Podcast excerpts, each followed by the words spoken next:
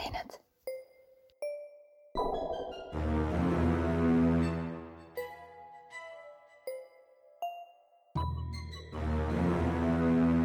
külmavärinad. tere, head külmavärinate kuulajad, mina olen Taki ja mina olen Heidi. Ja jumal tänatud, et me korraks nüüd saime pidama, sellepärast et üks taki naeris siin nii palju, et terve maailm värises lihtsalt.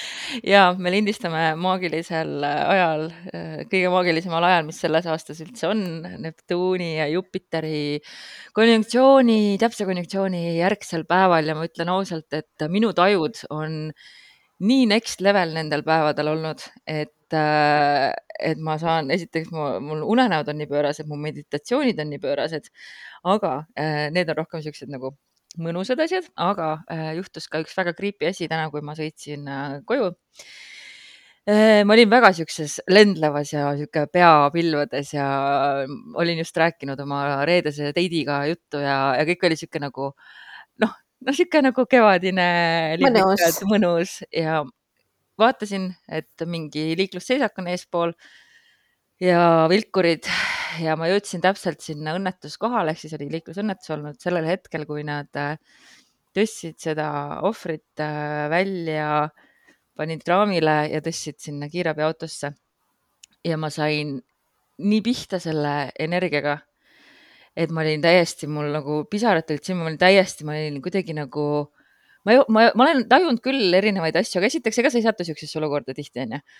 ja mm, -hmm. ja, ja see oli nii ootamatu, sest ma ei olnud üldse nagu selles, ma ei läinud seda otsima et ma pigem nagu olin, et okei okay,, noh, päris õudne, et sihuke lugu on olnud, aga ma saan siit mööda ja nii edasi ja siis järsku tuli see nagu kogu see nagu šoki ja raskus ja sihuke nagu pimedus nagu just sealt nagu hüppas mulle peale, kuidagi see oli nagu uh, et ma jah, jah, see, ma ei oska seda paremini seletada, et ma mm -hmm. tundsin, tundsin seda väga, ma ei ole jõudnud praegu veel vaadata, kas äh, see oli ka inimohvriga liiklusõnnetus, aga need autod olid seal küll päris, päris puruks.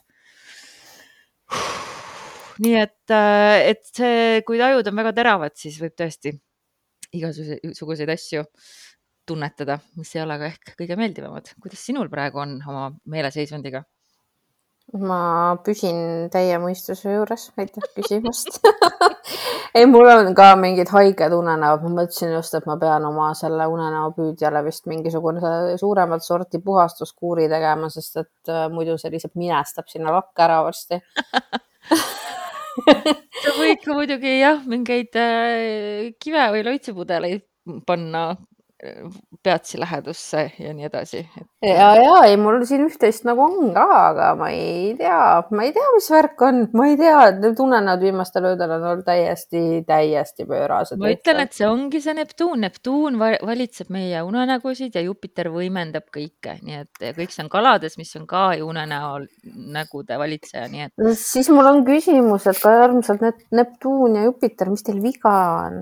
Nad said kokku, nad võimendusid seda kõike on vaja meile praegu, te peate üldsegi kuulama selleks, et Jaagis esinete ja. või, või kosmosepeatus, seda võib ka kuulata. sest et nagu ausalt, ma ei tea, ma, ma nagu ei näe, miks, ma, ma ei näe põhjust, miks ma peaks neid unenägusid nägema just sellisena, nagu nad on. aga noh, eks, eks siis tuleb noh, mingid sõnumid sulle sealt järelikult äh, tulevad. kusjuures need on mingid vanad unenäod, mida ma näen mitmendat korda taaskord, mitte mingisugused. siis järelikult on see märk, et sul on mingid õppetunnid veel saamata või kinnistamata. selles ma ei kahtlegi ausalt öeldes mm. -hmm. aga sõnumitest rääkides, siis meil on kuulajatele ka ju sõnumeid, et järgmisel laupäeval, kahekümne kolmandal aprillil oleme me Tartus aparaaditehases podcasti festivalil ja me mitte lihtsalt ei passi seal ja ei kuula teisi podcastereid the shame. Sa, sa ütled nagu see oleks mingisugune halb asi, mida teha. Nüüd me lähme ja esineme mina veel isiklikult ei tea, mis ma teemaks võtan, mul on erinevad. mõtlesin, et sa ütled, et mina veel isiklikult ei tea, mis ma selga panen, siis ma tahtsin öelda juba, et mina ka ei tea ah,. ma tean, et ma panen ühe oma pikkadest kleitidest, mul on pikkade kleitide aeg praegu, see on okay. Äh, kahtlemata nii mm. -hmm.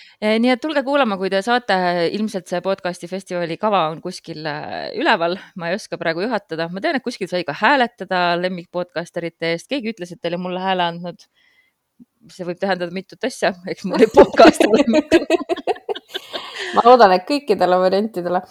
no ma olen olnud äh, blogimaailmas tegev aastast kaks tuhat neli ja ma olen kunagi vist saanud mingi äh, umbes aunimetuse parima personaalblogi eest, ma jäin vist teisele kohale või midagi sellist mm. -hmm. nii et äh, ma ausalt öeldes, ma nii kardan, et ma ei võida või me ei võida või ma ei võida kellegi teise mehega, kellega ma teen mingeid asju.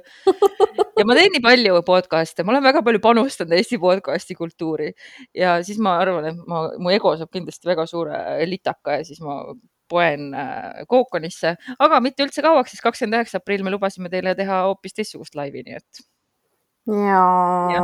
no podcast'i festivali saab ka üle, üle vaadata, üle veebi vaadata nende enda lehe peal podcast.ee. ka üks suur Eesti meediaväljaanne kannab seda üle Postimehes salapärane. ja salapärane. Äh, nii et äh, tulge tšekake, kui saate, saate meid näpuga katsuda kui ei, siis vaadake üle veebi, aga kui mitte, siis lõpuks jõuab see saade ikka teie podcast'i feed'i ka, nii et ärge üldse muretsege ühte või teistpidi, jah? jah uh. -huh. aga ma pakkusin Heidile välja, et tema võiks seekord ise alustada, aga ta keeldub see lihtsalt on puhas Heidi traumeerimine, selline pakkumine, nii et. Mm, okei, okei, okei, ma siis äh, alustan. Äh, sellest saaks meemi teha ülihästi kusjuures. hint, äh, hint, vihje, vihje mis see oli, surmmaksud ja see, et Taki alustab äh, külmavärinaid Need on ainsad kolm asja, mis siin äh, elus on kindlad. just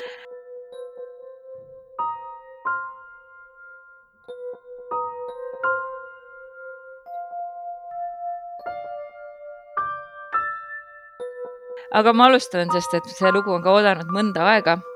Ja ma tahan teile rääkida Tallinna viimasest hiigeltulekahjust. Mm.. kõigepealt lähme siis keskaega. Ja võite vist ette kujutada, et keskajal oli tulekaitse üldse üsna nõrk. Ja kui tuli lahti puhkes, et siis äh, tavaliselt terve linn läks esimene tulekustutusprits äh, tuli Tallinnasse aastal tuhat kuussada üheksakümmend kaheksa. ma arvan, et ma võiksin selle saate siin ka pühendada meie tublidele päästjatele ja alati on tore neid meeles pidada mm. -hmm. ja esimene vabatahtlik tuletõrjeorganisatsioon loodi siis aastal tuhat kaheksasada kuuskümmend kaks. aga enne pritside kasutuselevõttu oli ainus kustutamisvahend, nagu te võite arvata, ämber ja seetõttu olid siis hiigeltulekahjud üsna paratamatuseks. ma küll naeran, aga see on niisugune nagu. no ämber ei tundu kõige efektiivsem tõepoolest. ja pealegi aga... õige on öelda tegelikult pang. kui sa oled Lõuna-Eestist, siis see on pang. ja mõned suuremad äh, tulekahjud siis. tuhat kakssada kaheksakümmend kaheksa hävitas tuli kogu linna kõigi kirikute ja kloostritega. tuhat nelisada kolmkümmend kolm hävitas põleng isegi kõik eeslinnad, aiad ja hooned väljaspool linna tuhat viissada kolmkümmend kolm äh, põlesid pea kõik majad Tallinna Toompeal asuvas linnaosas ja tormituul kandis sealt tukid ja tule umbes kilomeetri kaugusele alllinna ja süütas ka seal palju mõju. ja siis äh, viimatine suurem tulekahju oli Tallinnas aastal tuhat kuussada kaheksakümmend neli ehk siis, mis on siis neliteist aastat enne seda, kui tulekustutusprits tuli. ja sellest ma siis tahangi natuke pikemalt rääkida aga et üldse nagu mõista seda tulekahju lugu, tuleb äh, vaadata aastasse tuhat kuussada seitsekümmend seitse. Mm, see on siis seitse aastat varem äh, Riiga ja Riias oli siis seitse aastat varem puhkenud äh, tuli kahekümne esimesel mail ja see kestis kaks ööd ja kaks päeva mm.. hävitas Peetri ja Johannese kirikud ja umbes kakssada maja. aga pärast seda tulekahju hakkas levima kuuldus, et tegemist oli tahtliku süütamisega ja et äh, mingi vaenlane oli siis ära ostnud selle isiku, kes siis äh, käis ja süütas. Äh,. vangistatigi keegi üliõpilane nimega Franke ja rootslane Peeter Andersen. Ja siis äh, kergete piinamisvõtete kasutamisel mm, tunnistasidki ennast äh, süüdi. Ja väga sihuke irooniline on see, et üliõpilane Franke lõpetas elu tuleriidar. Ja Peeter Andersen surmati siis mingil muul viisil aga äh, kuulujutud levivad ka kulutulena ja needki kuulujutud nendest Riia sündmustest jõudsid lõpuks Eestisse. ja tulesüütamist kardati, kardeti hirmsal kombel ja levisid igasugused jutud, et sama saatus, mis hävitas Riia linna, et saab osaks siis ka Tartule ja Pärnule ja Tallinnale. ja teisel juunil andis siis Tallinna raekogu erakorralise korralduse, et sellist süütamist vältida mida siis tehti? linnaväravates tugevdati vahipidamist, öises linnas hakkasid liikuma patrullid, kõiki võõraid peeti hoolsalt silmas ja majades siis korraldati ka läbiotsimisi ja isegi mõned isikud vahistati. ja terve selle suve siis elas Tallinn sügavas süütamise hirmus. ma sain just aru, et see aeg ja ajastu peaks ju väga hästi kokku minema apteeker Melchiori ajastuga, nii et mm -hmm. oleme tegelikult täitsa päevakajalised me oleme peadpidi keskajas, me ja. oleme täiesti päevakajalised keskaja lõpus küll, kuid siiski. aga siis äh, jõuame nüüd siis sellesse saatuslikku tuhande kuuesaja kaheksakümne neljandasse aastasse, mis on siis täpselt kolmsada aastat enne minu sündi. talv oli olnud väga käre ja sellele järgnes siis äh, väga põuane ja kuum suvi. kõik metsad ümberringi põlesid kõigepealt puhkes siis juba esimene tulekahju Toompeal kuuendal aprillil ja maha põles kolm maja. jälle hakkas see süütajate juht pihta ja Raekogu lubas siis isegi sada taaldrit sellele, kes äh, võib siis äh, mingeid vihjeid anda, mis süütajani viiksid ja maja omanikele anti käsk kõik kahtlased isikud silmas pidada ja äh, käsk oli ka, et veevarud peavad olema kodus olemas.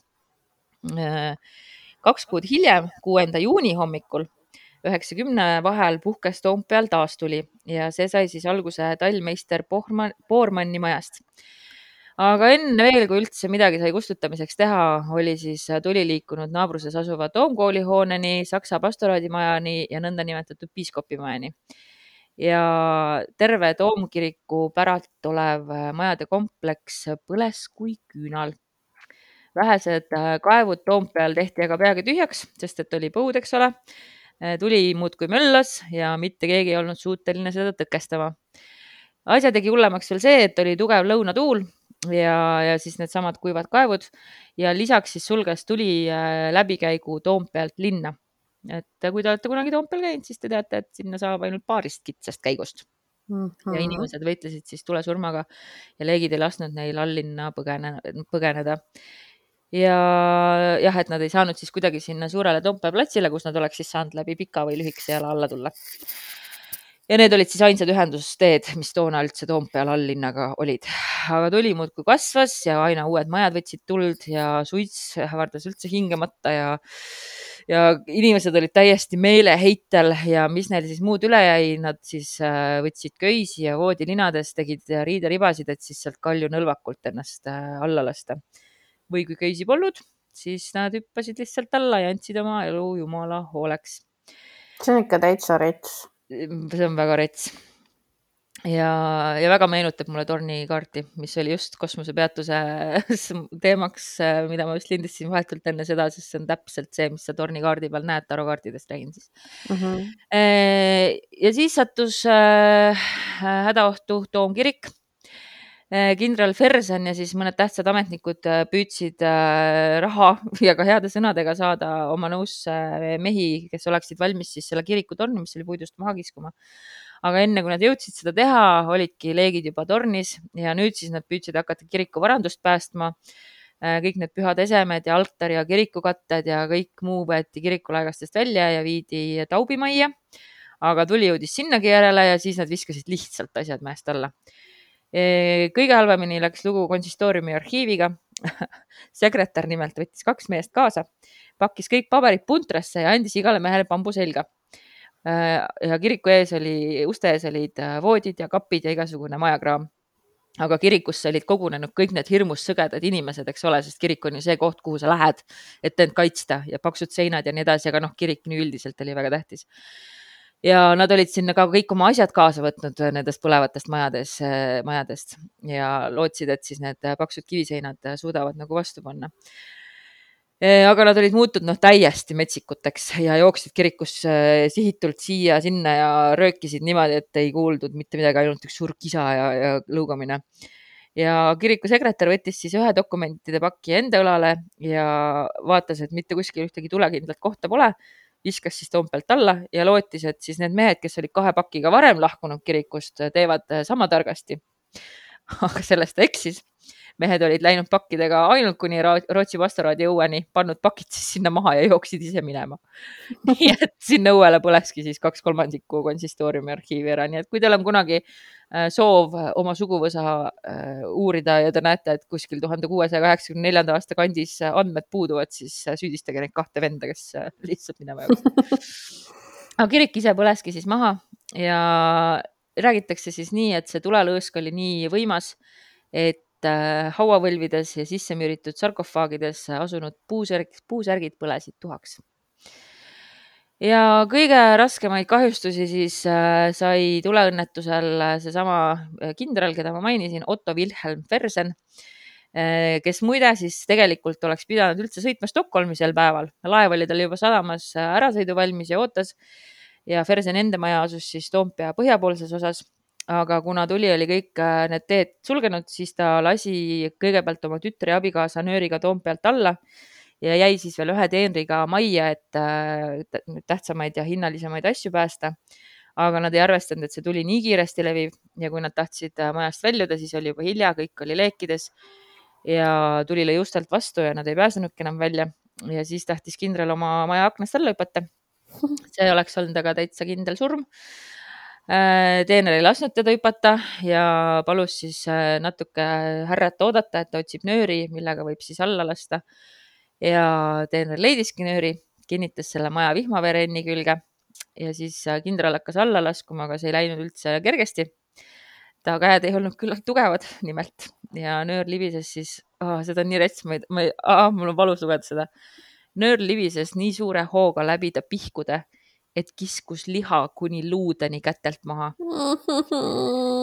ja see polnud veel kõik. nöör oli lühike ja ei ulatunud alla maapinnani, nii et kindralil ei jäänudki muud üle, kui pidi nöörist lahti laskma ja end mööda järsku kaljuseina all libiseda laskma, nii et ta jõudis küll elusalt all, alla, aga need teravad paeservad kiskusid tal siis kõik riided seljast lõhki ja, ja ta oli üle, üleni verine nii et äh, linnarahvas, kes oli siis Toompea alale kogunenud, nägi küll, et see kindral ripub seal nööri otsas, aga keegi ei saanud midagi teha.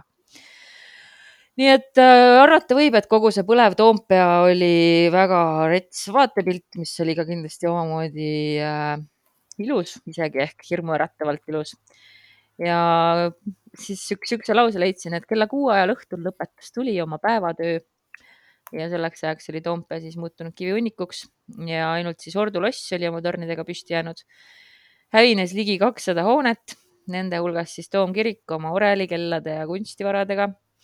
Äh, peale selle hävines tules ligi kaks tuhat koormat vilja, majakraami ja igast muid asju.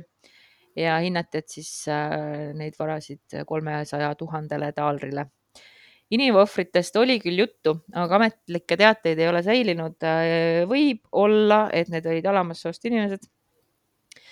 Äh, sest et alamast soost inimeste kohta teateid sageli ei säilinud ja Sädemete vihust siis süttis ka alllinnas neli-viis maja ja lisaks siis ka Harju värava torni katus võttis tuld. Äh, järgmisel päeval hakkas siis Raekogu igasuguseid läbiotsimisi korraldama. sõjavägi võeti ka appi ja paljud siis äh, kasutasid seda tuleõnnetust loomulikult ka selleks, et äh, kõik see varandus, mis oli välja kantud, et seda siis varastada.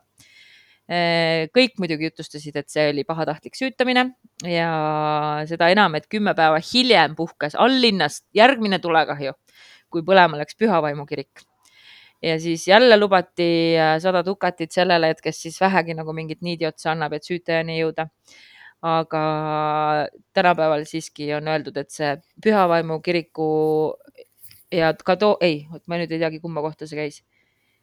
Äh, see vist käis ikkagi selle toom, toomkiriku kohta, et see polnud ikkagi süütamine, vaid õnnetus tõrva keetmise juures. Äh, ja siis, kui toomkirik oli maha põlenud, siis peeti jumalateenistusi Ordu lossi saalis mõnda aega Rootsi kunnile Karl üheteistkümnendale saadeti palve, et äh, ta köhiks pappi uue kiriku ehitamiseks. Äh, Karl üksteist ütles, et ma ei anna teile raha, aga ma luban teil korraldada korjanduse. Hmm.. ja siis kuluski üle kümne aasta, et kirik üldse korda saaks. Ja veel aastal tuhat kuussada üheksakümmend olid muideks enamik kirikus olnud haudu avatud. Ja see siis tekitas ka linnaisades palju meelehärmi, et igasugused luud ja kondid paistsid ja siis äh, loomulikult äh, asi, mis ka meil tänapäeval on äh, natuke tuttav, on see, et äh, kui linnad hävinevad, siis on inimestel väga suur mure elukohtade leidmisega ja üürihinnad olid siis linnas tõusnud kolm korda ja suur osa inimesi elas lageda taeva all. ja siis oli veel ka selline seadus, neli aastat äh, kehtis, et ilma passita ei tohi inimesi võtta ei Toompeale ega Tõnismäele elama ja pandi maksma korraldus, et Toompeal ja Toompea eeslinnas peab olema igal majal kaks redelit ja pootshaak kaks käsipritsi, kuus nahkveejämbrit, üks veetõrs ja kaks toobrit. aga noh, Toompea uuesti ülesehitamine võttis ka omajagu aega ja muidugi seal vahele tuli veel Põhjasõda ja näljahäda, aga seetõttu näebki ta välja selline, nagu me teda tänapäeval teame, et selline seitsmeteistkümnenda, kaheksateistkümnenda sajandi arhitektuur, sest et ta lihtsalt põles enne üleni maha. Hmm.. selline, selline lugu siis. Koledad pildid, ma loodan, et see ei jää teid äh, unes äh, vaevama. Aa, ma kuulsin, et ma loodan, et see jääb. Oh, ei, ma loodan, et ei jää. Pigem, pigem loodame, et ei jää, jah.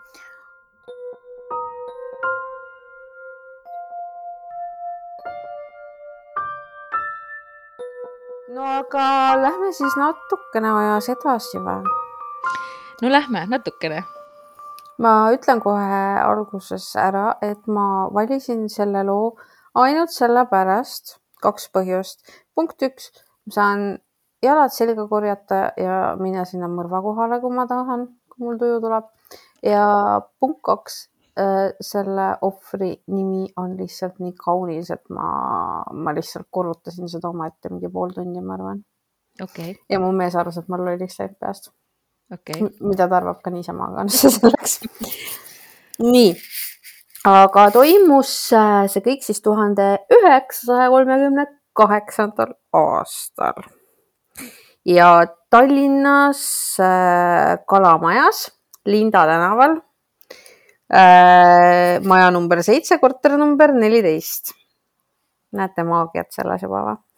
jah mm. -hmm. leiti siis neljakümne viie aastase Erna Eleonora Rennebaumi surnukeha. tõesti ilus nimi. on, on ju.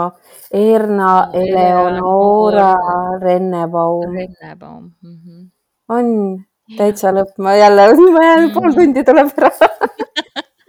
Okei, okei. Äh, naine oli tapetud vahetult enne seda, kui ta pidi minema Ameerikasse Eh, Erna oli siis tegelikult äh, rahvuselt rootslane, aga tal oli Eesti kodakondsus ja ta elas seal Kalamaja korteris üksinda niisugust võrdlemisi jõukat elu. tal oli seal siis kahetoaline korter suisa. Ja mõrv tuli välja niiviisi, et äh, tema õde läks talle külla, sest et ta tahtis teda veel näha, enne kui Erna Ameerika poole ajama paneb aga tema üllatuseks oli Erna korteri uks lukus ja koputamise peale ei vastanud ka mitte keegi. siis ta piilus lukuaugust sisse ning märkas, et tema õde lamab põrandal diivani kõrval oh,. Ja sellest siis oli selge, et tegemist on kuritööga ja seetõttu teatas ta asjast kohe ka politseisse. korterisse sisenedes selgus, et Äh, õmblejannast Erna oli tapetud löökidega pähe ja löömiseks oli kasutatud vasarat. esimene hoop oli lausa nii tugev, et vasaravarrs murdus pooleks. oi jumal küll, kui suur viha peab olema? ma ei kujuta ette. hiljem oli julm mõrvar Ernale tekitanud hulga haavu ülakehasse, kasutades selleks liha hakkimise nuga. suurepärane Äh, kõik tapariistad olid äh, siis Erna korterist pärit.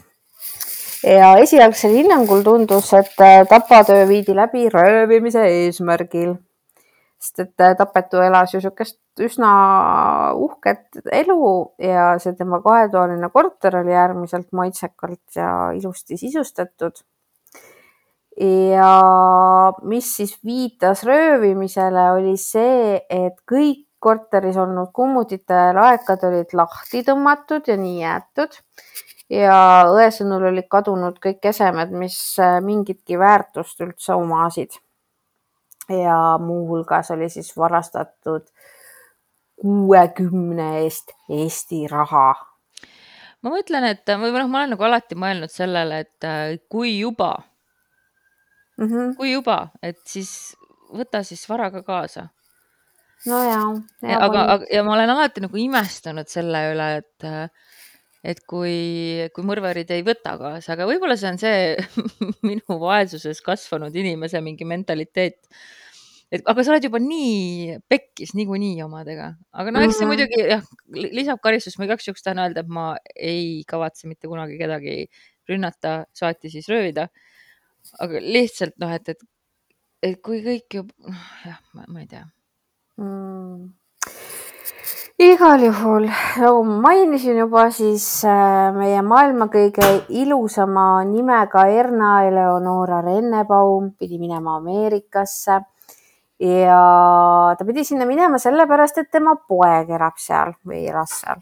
Mm. -hmm ja temal olid kõik dokumendid ilusti korda aetud ja tal oli kätte saadud ka juba siis äh, reisiks vajalik pilet, mille poeg talle saatis aga mõrvari osas jäid nagu asjaks, äh, asjad veits segaseks, sellepärast et äh, raskendav asjaolu oli äh,. nimelt siis realiseeris Ernakene viimaste päevade jooksul oma vara, et Ameerikasse minna ja mm -hmm. sinna hunnik pappi kaasa võtta ja sellepärast käis tema poole hästi palju erinevaid vanakraamikauplejaid kes siis käisid vaatamas neid asju, mida ta müüs.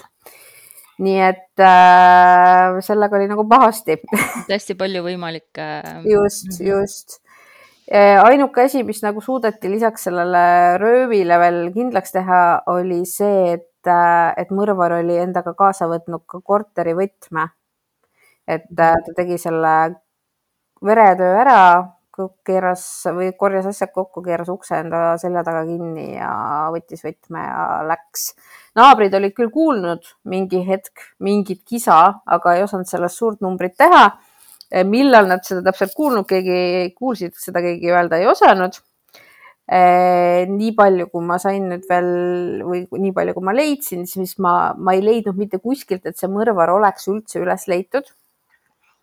Ah, mis ma leidsin, oli see, et Äh, see maailma kõige ilusama nimega Erna Eleonora Rennebaum puhkab Tallinnas Rahumäe kalmistul.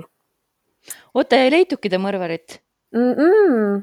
issand jumal, kuidas sa teed nii vabandust. tood sellise loo mis see oli, kolmkümmend kaheksa aasta, jah? Kolmkümmend kaheksa ja. nojah, mäletame me ju kõik, mis juhtus. ma otsisin nagu selles mõttes kõik, kõik selle nimega seonduva vähegi, mis ma leidsin üles, mitte kuskilt ma ei leidnud infot selle kohta, kes tema tapja oli. no sest, et kui sõda tuli peale, siis olid juba muud Läks asjad. korstnasse see asi mm. -hmm mm. -hmm. aga küll, aga tema hauaplats seal Tallinna Rahumäe kalmistul on täiesti leitav, nii et kes soovib, saab viia lilli või küünlaid või noh, mida iganes, mina võtan selle plaani endale igaks ju igal juhul. ja minagi olen käinud meie saate no just, inimeste hoodidel. Et... mina ei ole veel jõudnud selleni, nii et äh, tema puhul ma võtan selle raudselt plaani, sest et nagu sest see on pojapere nii... ilmselt on äh, ikka Ameerikas ja. ja kusjuures ma panin täitsa ulme, ei teinud endale seda ülevaadet, ma vaatasin, ta poeg oli ja siis tal oli, poeg oli jah, ainus järeltulija ja siis tal oli mingi hunnik tegelikult õdesid-vendi, kas seda oli mingi seitse või kaheksa no, või? no äkki siis teda jah, ikka peetakse meeles tänapäevalgi. No loodame ja selle perekonnanimega inimesi selles mõttes tänapäeval Eestis äh, leidub ka. nii et äh, äkki tõesti keegi, eks, eks saab vaatama minna, siis me saame teada. keegi köhis sul seal? mulle tuli üks äh, väikene kummitus siia. no väike kummitus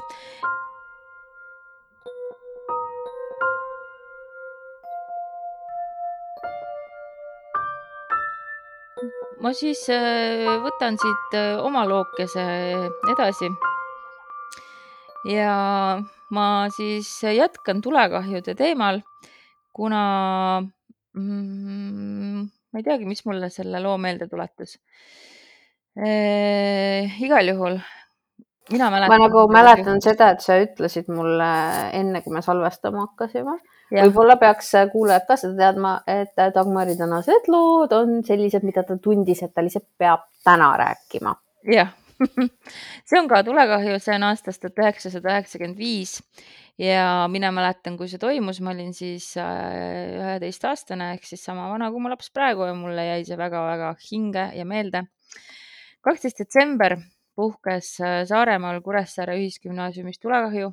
appi ja ja on ju mm, -hmm. see on äh, olnud üks kõige retsimaid äh, suuri šokke üldse moodsas ajaloos. jep.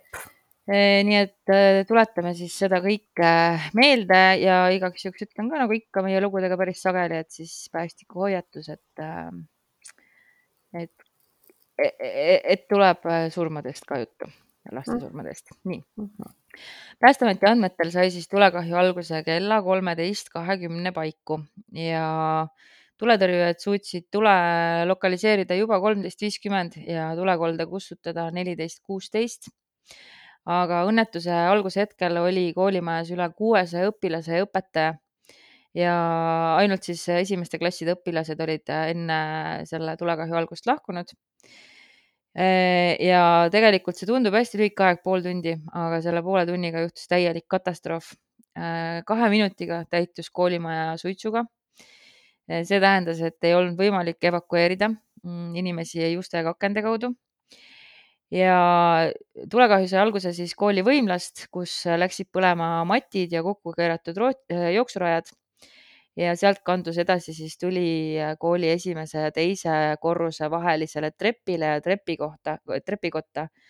ehk siis trepid olid äh, kõik täiesti kinni. ei olnud võimalik evakueerida. ja käisid siis ka jutud, et äh, enne tulekahju puhkemist oli kuulda mingi plaksatust ja, ja oli tugev hais, mis sarnanes kammi põlemise lõhnaga, selgitas üks õpetaja millest tekkisid siis esimest korda või noh, alguses äh, nagu spekulatsioonid, et tegemist oli mingi plahvatusega. ja kogu see jah, see tulekahju siis levis väga-väga äh, ruttu, et need võimlemismatid läksid hästi kiirelt äh, põlema, sealt tuli paksu ja võite ette kujutada väga mürgist suitsu. Tekkis täielik paanika ja pimedus ja kuumus on siis need märksõnad, mida siis ette kujutada et esimestelt korrustelt hakkas tohutult suitsu ajama, tekkis meeletu kuumus, terve kool oli pime nagu öösel, rääkisid siis Sõnumilehele kaks ühisgümnaasiumi õpetajat. lapsed kippusid hirmunult ka kõrgemate korruste akendest alla hüppama. õpetajad proovisid neid kõigiti tagasi hoida ja osa lapsi said vigastada ka purunenud akende kildudest. Üks laps kukkus alla kolmanda korruse kõrguselt vihmaveetoru küljest aga õpetaja kiitis siis keskkooli poisse, kes olid vapustavalt tublid ja tegutsesid nagu päris päästjaid. päästjad lõid aknaid katki ja aitasid teisi välja. ja õpetajad siis ütlesid ka, et äh, pühapäeval pidi algama kooli jõuludeks kaunistamine ja fuajees oli kõik juba valmis. ja paljud ütlesid, et nii kena polegi meie kooli fuajee veel kunagi olnud äh,. Tsiteerin, nüüd on aga kõik must ja kole, kõik laes rippunud päkapikud on kõrbenud Jeesus, see on nii hevi. kõige retsim ongi see, et äh, need äh, põlengu ajal olid koolimaja aknad olid lahti ja lapsed lihtsalt ootasid akendel abi, aga nad ei jõudnud ära oodata, et need tuletõrjujad tuleksid ja nad hakkasid akendest alla hüppama ja laskuma siis mööda neid vihmaveetorusid. ja Kuressaare linnavolikogu esimees Mati Põld kirjeldas siis õnnetust. see, mis seal toimus, oli jube koolimaja lahtistest akendest tuli välja paksu tossu, tuletõrjeredeleid mööda toodi alla šokis lapsi. mõned lapsed, kes ise ronisid, kukkusid redelitelt alla. Äh, õpetajad, õpilased, äh, kes koolist olid välja pääsenud, nutsid kooli ees, nad olid täiesti šokis. ma nägin ühte üleni verist poissi, rääkis üks tunnistaja ja hukkus siis äh, kaks last, kes leiti kooli esimese ja teise korruse treppide vahelt ehk siis seal, kus äh, Äh, seda ma siia kirja ei pannud, aga ma kuskilt äh, lugesin seda, et see kuumus oli seal läinud nii suureks, kuna seal olid ehitusvead ja kasutatud valesid materjale, et kõik need äh, trepid olid täiesti sulanud ja paindunud, ehk siis see kuumus oli seal nii rets. ja et siis esimese ja teise korruse vaheline trepp oligi juba mitmest kohast sisse langenud ja sealt tulekolde lähedusest siis leidsid kaks äh, tuletõrjujat kaks nii tugevasti söestunud noormehe surnukeha, et alguses ei olnudki võimalik nende isikut kindlaks teha. aga ilmselt oli tegemist äh, üheksanda kuni üheteistkümnenda klassi noormeestega. Ja Lennusalgaga, Lennusalga lennuk tõi siis sama päeva õhtul äh, Tallinnasse veel ühe kriitilises seisundis üheksa-aastase poisi ja teadus, et üheteistaastase tüdruku, kellel olid rasked põletushaavad ning hingamisteede kahjustused ja pool tundi hiljem saabusid siis veel kolm üheksa-aastast last Tallinnasse haiglasse. ja Kuressaare haiglas oli siis äh, kuuskümmend kaks kannatanud inimest, äh, seitseteist luumurdude või, või vingumürgitusega kannatanut jäid siis haiglasse äh, arstide hoole alla ja nelikümmend inimest lubati koju. enamjaolt viidi siis haiglasse algklasside lapsi Äh, kes siis ei leidnud tõenäoliselt suitsu ja tekkinud paanika tõttu väljapääsu ja peitsid ennast ära. et see on ka nagu, see on nii, lihtsalt mu süda nagu. Läheb katki, on ju. jah. Äh, et kuuendate ja seitsmendate klasside lapsed julgesid äh, ise juba alla hüpata teise ja kolmanda korruse akendest, et nemad olid siis luumurdudega haiglas Äh, ja alguses siis jah, oli igasuguseid teooriaid. Mm, Päästeameti eridemineerimisgrupi ülem Margus Kurvits ütles sündmuskoha esialgse ülevaatuse põhjal, et purustuse tulekahju ei ole plahvatuse taga, tagajärg ja et ei olnud tegemist lõhkekeha plahvatusega. Ja tulekoldes oli siis väga kõrge temperatuur kuni tuhat kraadi ja samuti kinnitati, et ei saanud tulekahju alguse elektrisüsteemist. ja mõned kuud hiljem valmis siis koolipõlengu ekspertiisiakt, kus siis loetleti kõiki neid kümneid tuleohutuse eeskirjade rikkumisi. See oli vist Ekspressis, kus ma selle võtsin või Päevalehes, et niisugune lause kõigi tuleohutuse eeskirjade rikkumise, rikkumiste kokkuarvutamiseks ei jätku kahe käe sõrmedest. näiteks koolimajas avastatud ainus, ainus vaht kustuti Äh, neljanda korruse keemiaklassis oli aegunud juba tuhande üheksasaja kaheksakümne seitsmendal aastal. kuidas on võimalik, et terve koolimaja peal on ainult üks kustuti? aegunud ja, ja aga nagu selles mõttes, et üks ja, ja aegunud. täiesti uskumatu. ja siis politsei leidis ka paralleelselt üles ühe poisi, kes põhjustas tulekahju, kes siis enda sõnul proovis välgumihkliga läbi põletada poroloonist võimlemismatte ümbritsevat võrku ja kindlaks tehti ka siis üks pisut vanem noormees, kes äh, viibis seal niinimetatud saatusliku eksperimendi juures. aga asi siis lõppes väga frustreerivalt kannatanute jaoks ja, ja hukkunute perede jaoks, sest et Saare uurimisbüroo otsustas pool aastat pärast põlengut kriminaalasja lõpetada, sest süütaja oli alaealine ja tuleohutuse eest vastutanud isikute tegevuses puudus kuriteo koosseis uh. -huh. Kuressaare linn võttis laenu, remontis kooli kuue koma nelja miljoni krooni eest ära ja elu läks edasi. loen siis ühe sellise mm, lõigu veel ette. tahm kooliseintelt on maha pestud, aga mitte hukkunute omaste hingedest. hukkunud poisi isa, ma ei hakka seda nime välja ütlema mm, -hmm. sõnul mätsitakse lugu kinni. see oli minu, minu arust täiesti valesti ja ebaõiglaselt lahendatud, et kedagi vastutus, vastutusele ei võeta see ei olnud loodusõnnetus, oli kaks seaduserikkumist, süütamine ja kuritahtlik hooletus, nendib hukkunu isa. pärast kriminaalasja lõpetamist andis äh, hukkunud poisi isa kohtusse Kuressaare linna ja ühisgümnaasiumi, kui ühisgümnaasiumi omaniku ja nõudis poja äh, kaotamise eest hüvitist seitsesada kakskümmend tuhat krooni. Äh, jah, ta tundub küüniline, aga see oli ainuke käegakutsutav võimalus materiaalset kahju väljendada, moraalset kahju, inimelu hinda ma ei oska arvutada see on kasvatuskulu, mitte lapse hind, kommenteeris hukkunud poisi isa aastal kaks tuhat ja lisas äh, ja siis sellesama poisi ema lisas, õnnetus on, kui välk lööb sisse või poiss ise kukub katuselt alla. aga kui koolimaja muudetakse krematooriumiks ja uksed on kokkuhoiu mõttes lukus, siis on see inimese lapse tapmine. rets. lihtsalt see pilt nagu, et jah, et uksed kõik kinni ja ühesõnaga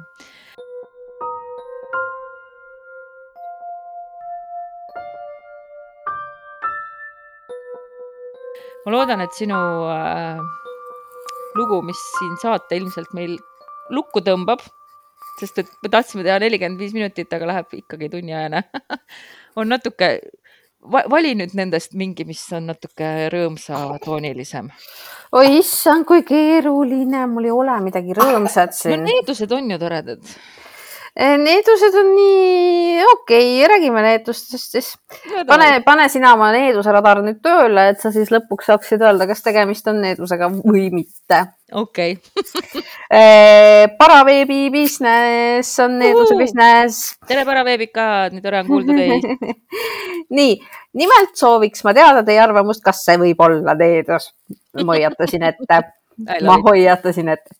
nii tutvusin kolm aastat tagasi noormehega, kellega elame siiani koos. tema peres juhtuvad eriskummalised asjad, millele sooviks põhjendust mul on juba palju arvamusi ilma, et ma oleks ühtegi näidet kuulnud, aga okei okay. pane nüüd tähele, noormehe ema eelmise elukaaslase ema ehk ämm e.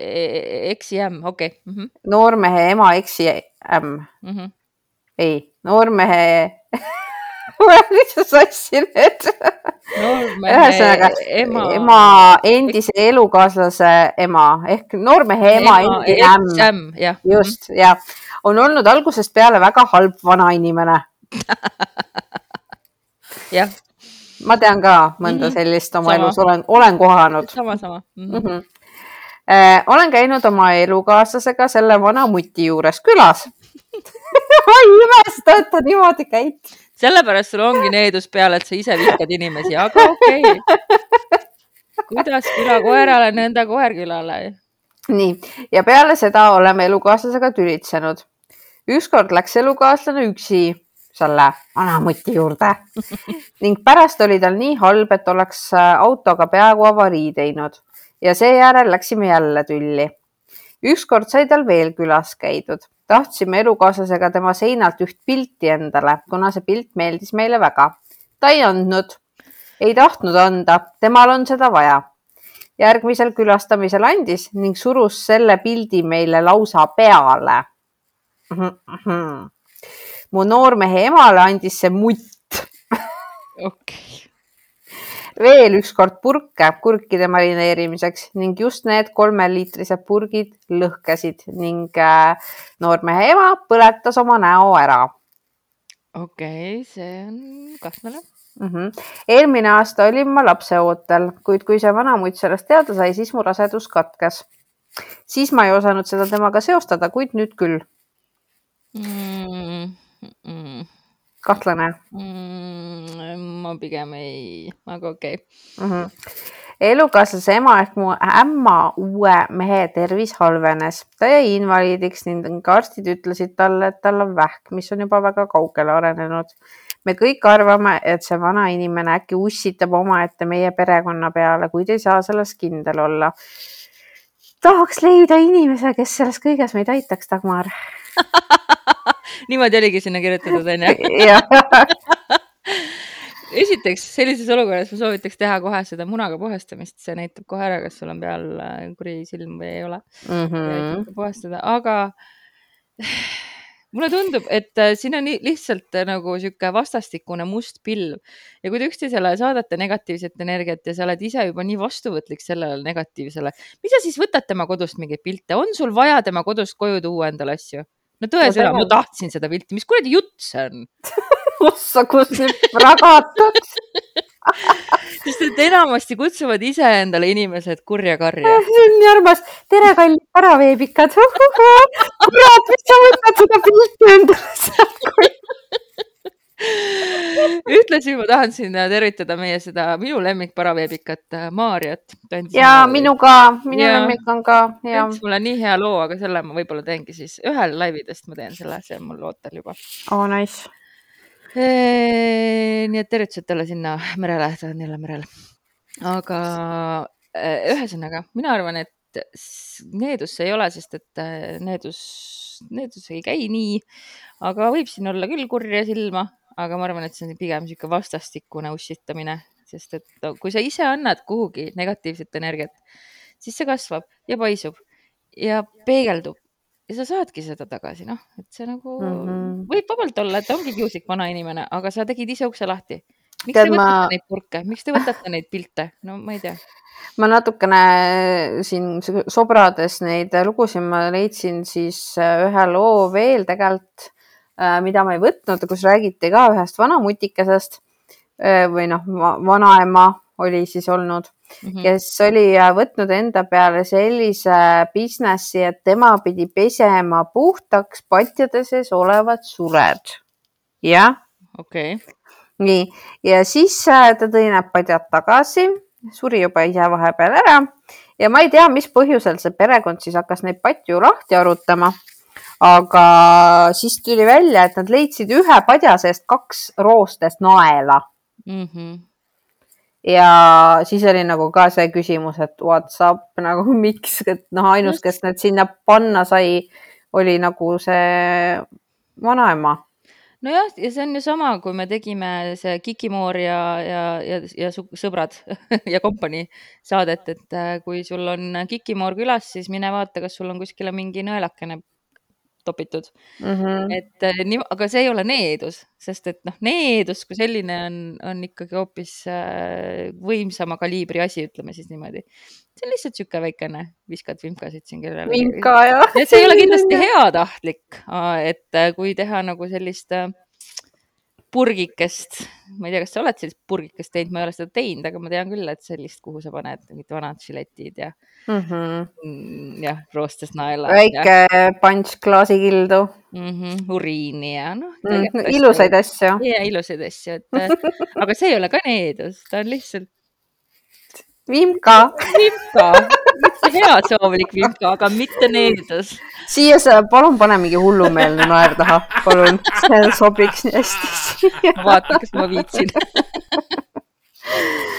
vot niimoodi, kuule, aga ma ei tea, me pidime nelikümmend viis minutit tegema. kuule, jumala hästi läks, kõik läks ja. väga hästi, meil ei ole needust peal. meil ei ole needust peal, meil on kõik lill ja siis me kohtume päris inimestega päris Tartus. meile lugusid, sest et äkki me teeme niimoodi, et fifty-fifty, teeme pooled oma lood ja pooled teie lood, seda võime ju ka teha. Ja see on hea plaan, mulle meeldib saatke jah, külmavärinad, et gmail.com, Y on siis meil Ü asemel ja näe asemel. just. aitäh sulle, Heidi, nii tore saade oli jälle. aitäh väga... sulle. nagu ikka, nagu ikka, nagu ikka, kõik oli, we laughed, we cried. ja, aga peabki nii, ma, ma arvan. ja teid, meie kallid kuulajad, me väga armastame väga,. väga-väga-väga.